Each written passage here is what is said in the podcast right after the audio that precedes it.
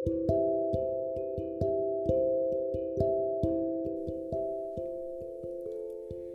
night sky. Somewhere in the sky, I lost myself. With the passing of the night, amidst the city lights, I look up at the sky. I inhale the night air. I have always admired starry nights, accompanied by a moonlit sky and cool breeze, fallen leaves, the dust of angels. The city enjoys the moon and the night. The jungle always welcome the sun. Thoughts endless, mismatched as always.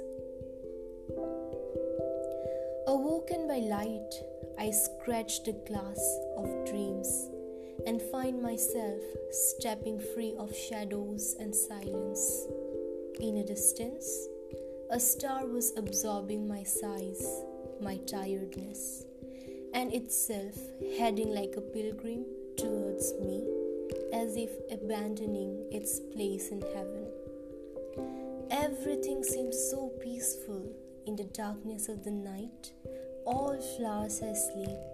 The rose can't boast about its beauty in front of the flowers grown randomly in the wild. All are asleep.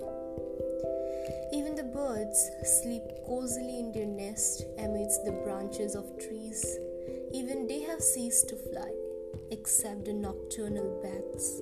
All are fast asleep with the passing of the night. And I own the sky. The stars are my company. The moon has my heart. Every midnight tale with the sky has an unique vibe.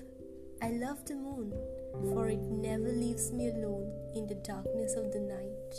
When everyone sleeps, the moon stays awake to sing me a lullaby.